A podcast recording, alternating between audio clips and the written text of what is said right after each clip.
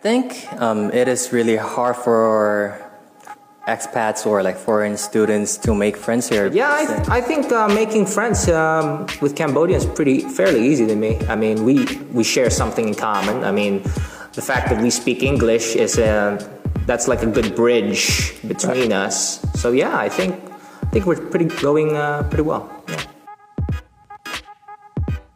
ស្ដីអ្នកគ្នាសូមគុំកាន់អេពីសូតមួយទៀតរបស់ series មួយដែលខ្ញុំដាក់ឈ្មោះវាថាខ្ញុំនិយាយជាមួយហើយនៅក្នុងអេពីសូតហ្នឹងខ្ញុំនឹងនិយាយជាមួយនឹងសិស្សដែលគាត់មកពីប្រទេសខុសៗគ្នាដើម្បីចង់ដឹងថាពេលខ្លះគេមករៀនហើយនឹងរស់នៅក្នុងប្រទេសយើងគេគាត់ជួបផ្ទះនៅគេខ្លះ ជាពិសេសខ្ញុំចង់ផ្ដោតទៅលើការចែកដងព្រោះតែនៅក្នុងប្រទេសយើងមានតែ11%នៃប្រជាជនទាំងអស់ដែលគាត់អាចនិយាយអង់គ្លេសក្នុងបើតាមស្ថិតិរបស់ World Bank កាលឆ្នាំ2016ឬក៏2017តែនៅក្នុងនោះខ្ញុំនឹងផ្ដោតទៅលើការនៅរបស់គាត់ការបង្កើតមិត្តភាពតែនៅក្នុងការគាត់មកនៅក្នុងប្រទេសយើងមួយឆ្នាំហ្នឹងគាត់ជួបប្រទេសគេខ្លះដែលគាត់គិតថាវាជារឿងប្លែកវាជាអីគេដែលគួរចង់សើចសម្រាប់គាត់ហើយគេគាត់ចូលចិត្តបើសិនជាគាត់អាចត្រឡប់ទៅប្រទេសគាត់វិញតែគេដែលគាត់នឹងយកពីប្រទេសយើងណាចំណុចល្អមួយគាត់យកពីប្រទេសយើង ទៅប្រទេសគាត់វិញពេលនៅក្នុងអេពីសូតនេះខ្ញុំដោតទៅលើហ្នឹងហើយចាំបាច់ចាំយូរយើងនឹងចូលក្នុងអេពីសូតរបស់គ្នា Hey what's up bro I'm good man how are you Hello what's up Well what's up how are you doing Thanks for having me No thanks for joining us Any particular reason why you chose to come here Um first of all my parents were here so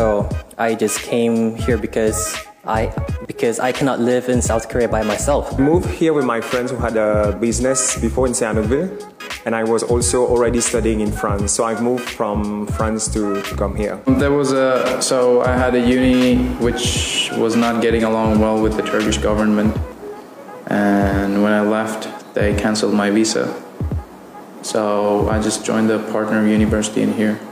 Well, I think it was a family decision, really. Um, as you know, at the time, economy was doing wasn't doing pretty well in the country, and we're a fairly populated nation. So uh, job opportunity was rather scarce, so my parents uh, made a decision to come here to Cambodia to try their luck, you know, and they became OFWs, and the rest is history. So, um, how you like it here so far? Cambodia is pretty chill to live in, I would say. Is that a, a an honest answer or a PR answer? All right, you want brutally honest answer? Yeah, I want brutally honest. All right, the more so, clicks I get, then the more uh, money I make. So. Uh, just I'm just kidding. I mean, here you can. It's pretty chill, and, and um, like going to school, it's not as a struggle. It's not much of a struggle. You don't have to go really early. Um, whilst um, in the Philippines, like I remember arriving like 3 a.m. in the morning. But at first, when I when I moved here, it was kind of a you know maybe like a cultural shock but now I'm used to it. I really like it here. So, my whole life, my dream was to get out of Sri Lanka. So, which I did in 2014. And then Turkey is not a fantastic country or anything like that, but it's still pretty good. I mean, it's modern, the life is much easier and more convenient. And then suddenly to move back to a country which is essentially the same as Sri Lanka, just different looking people. It was at first completely, I would say, devastating. But then as I got used to it and uh, just living and working and just chilling around, and now it's not so bad. Looking between Cambodia and South Korea, what are like the major differences that you find in terms of living, in terms of you know culture? Okay, so um, Actually, I think there are not much difference in culture between South Korea and Cambodia because um, both Cambodia and South Korea visits their grandparents' house during big festivals like Chinese New Year. Compared to Sri Lanka, Cambodia is not that different at all. The cost of living and the prices and the people are, and the, even the food is pretty similar. But Turkey is a whole other world. It's a different place. The weather is, they've got seasons like when you grow up in Sri Lanka or Cambodia, you don't get to see four seasons. You get to see one season with or without the rain. Um, so when I arrived here, I arrived in Sihanoukville. Mm-hmm. I was living in Sihanoukville, so I um, like I had I had like the beach. Whereas when I was in France, I was in Lyon, like a city. I was not really used to Phnom Penh during that time. Phnom Penh was still like a foreign place for me. So I was more uh, spending most time in Sihanoukville and there was like a problem during that time with the trash. Like the trash was accumulating, piling up everywhere. It was kind of smelly. And yeah, this was like a really huge transition, you know, where from France in the city where everything is like well, I can say like clean. You have the roads, everything is clean. You have a bus and everything, and then here you have the motorbikes everywhere, people driving crazy. so it was like a huge, huge, huge uh, difference. So giving you a shocking impression. Yeah, yeah, yeah. Speaking of the language, how do you navigate around like from one place to one place with the language barrier? I mean, considering that only 11% of the total population can speak English. Um, it mostly works with pointing at stuff or showing pictures from the phone. and they just say, I mean, I've learned the numbers pretty much. Muy pun, pai pun, everything like that. So that's easy. And, uh, but other than that, I'm, to survive here, I just mostly, like, um, not mostly, totally rely on technology.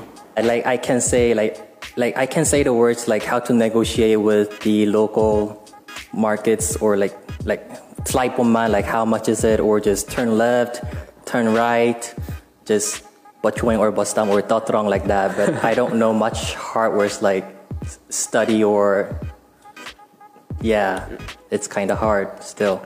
But when I moved to Phnom Penh, I was on my own. I came here for uh, for studies. When I was at school, it was fine.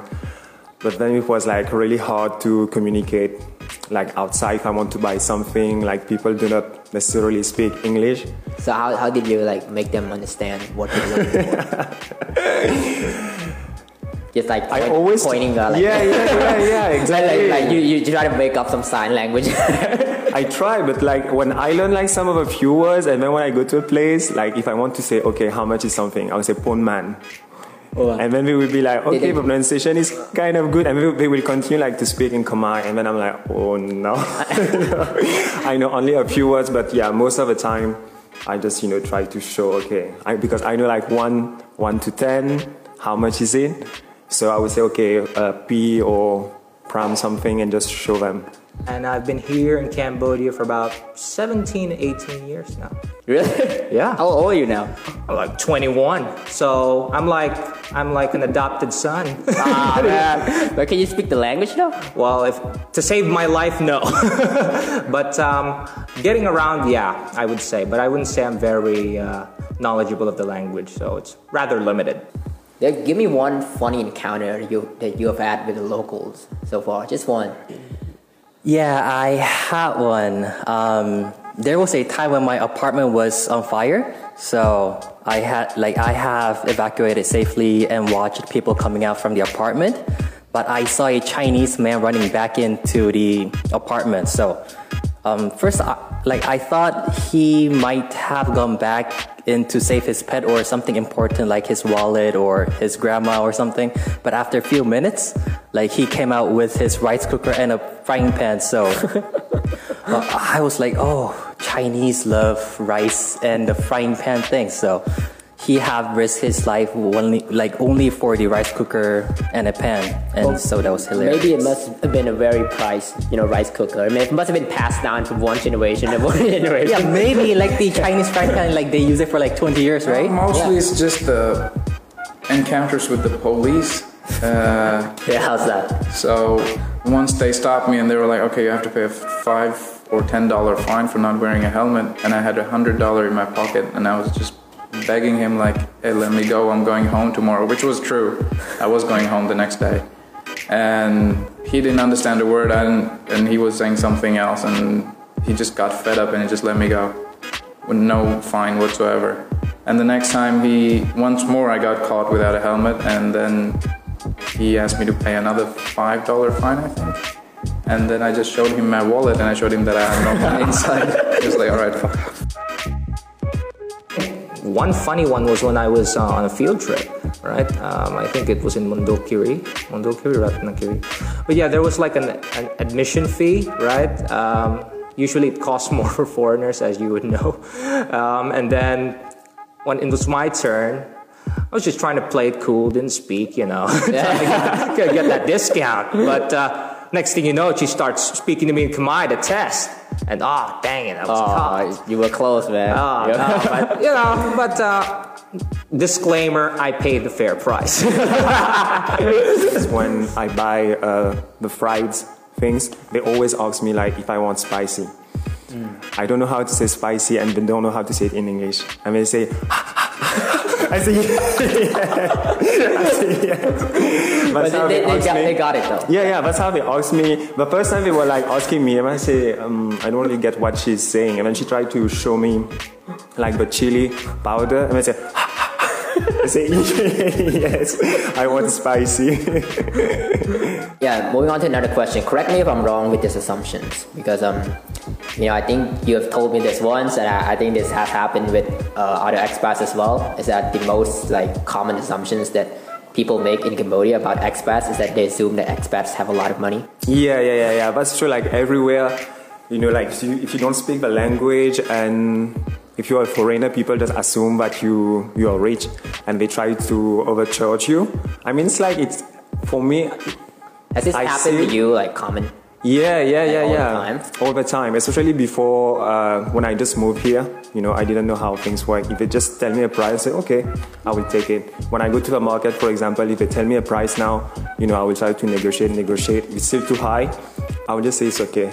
I just walk away, and then most of the time they will call me back. they will call me back. Like um, the locals here are really kind and gentle. Since like when I don't understand Khmer, like they try to explain to me by using body language.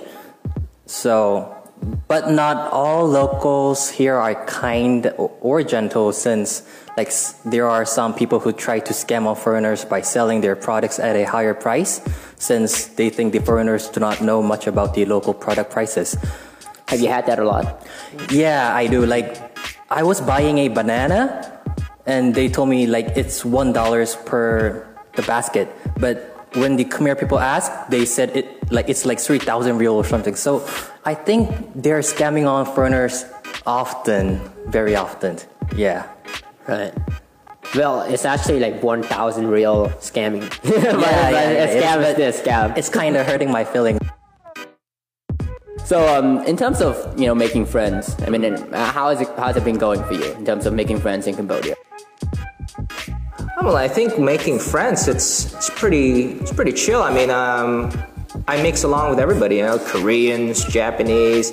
I mean, studying in international schools, so that's pretty much expected, right? It's a melting pot of culture. Yeah. Um, of course, I have a group, large group of Khmer friends also um, in Siem Reap. So um, they kind of introduced me to the nightlife, you know. But yeah, I, th- I think uh, making friends um, with Cambodians pretty fairly easy to me. I mean, we we share something in common. I mean, the fact that we speak English is uh, that's like a good bridge between us. So yeah, I think I think we're pretty going uh, pretty well. Yeah. Whereas here, I really feel like it's more um, like a family environment. I mean, at AUPP, like even if you are uh, having like trouble to cope with classes, you have a student affairs, and you have a lot of people that are here to help you. Whereas uh, I feel like when I was in France, uh, I did not, I did not get this kind of support. I didn't even know if if I have like such kind of problems where there was someone to help me. But I think here, like a lot of people are here to help you. So I couldn't I couldn't really get close to anyone. And I joined it from like the third year. So friendships were already made and people were already had their circles. So it's just like a weird tall foreigner coming from nowhere and I wasn't interested, they weren't interested. So in uni I didn't make any friends at all. I think um, it is really hard for expats or like foreign students to make friends here since like people tend to group themselves with people in the same region or same language. And also there are not much like not many opportunities for foreigners to make Khmer friends outside the university campus. So I think it's kind of hard like a challenge for foreigners to have friends here actually. You think because people are more like conservative in terms of making friends, like if they're Cambodians, they tend to hang out with Cambodians stuff like that.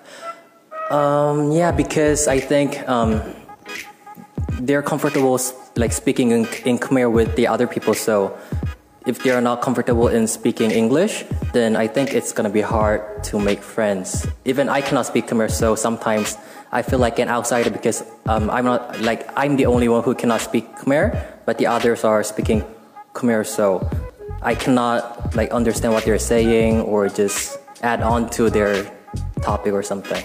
But if you like, you have to go like to somewhere for say like Philippines or move to another country. I mean, if you could export something nice here, something that you define as you know unique or or you know good to you, what would that be in terms of like foods or whatever?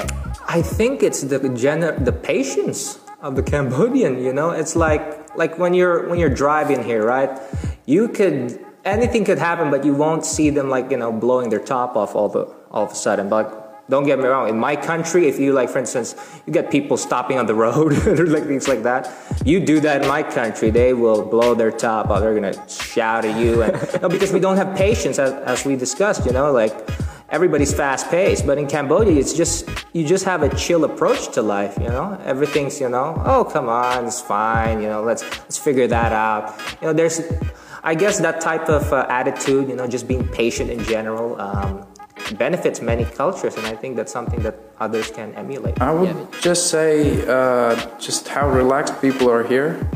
It would be cool if everyone was like that. Like, Relax. yeah, you know, uh, sometimes they sing at night until 11 o'clock. They just scream their lungs out, and it's annoying sometimes. But no one's like trying to stop them. It's just, just like, and let them do their thing. You know, any other country that would probably be a problem, but I don't know how it is in Vietnam or Thailand or something like that. But uh, that is one thing that came very different to me that people will just sing. I think the sugar cane juice and the Kampot pepper will be the best. Like I have tried many peppers around the world, but when I like eat the what was the, the steak with the Kampot pepper, um, the Kampot pepper like they have some taste that just catch me. So it's really good. The Kampot pepper, I think you can just export it to Europe or some Asi- some other Asian countries.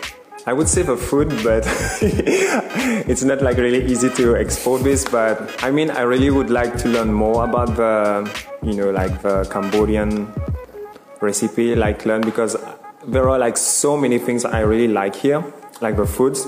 You know, like I don't even know the name, but it's really, really tasty, and I really like the food here. So I wish maybe I can learn a little bit here, and then when I go back to to my country, maybe I can cook and make my family discover it. Especially like my my grandmother, she really asks me a lot of questions. Okay, what are you doing here? And every time when I talk to her, she asks me, "Oh, what did you eat?" So it would be good, like maybe to cook some Cambodian dish for mm. for them. And another thing that I really like here is that people are, uh, people are generally like very very friendly and welcoming. Like ev- i feel like everyone is always in a good mood. Even if they have a lot of problems they will always be like smiling. There's that positive vibes. Really? it's something that i really appreciate yeah. Yeah.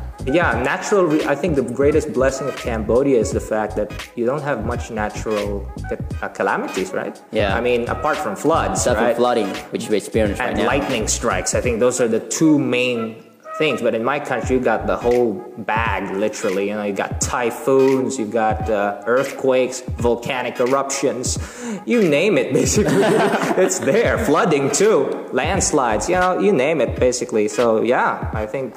Um, patience, in my opinion, is the, the key trait. I think I want to export wherever I go. Right. Right. All right. So we reached the end of this video. Thanks, Jericho, for joining us, man. Well, thank you for having me. Thanks, man. No worries. Thanks again, Olivia, Yeah. for coming in. thanks to you it's a pleasure being here Okay, thank you for having me here. All right. The video is gonna be uploaded tomorrow. Thank you, everyone, for watching. Thank you.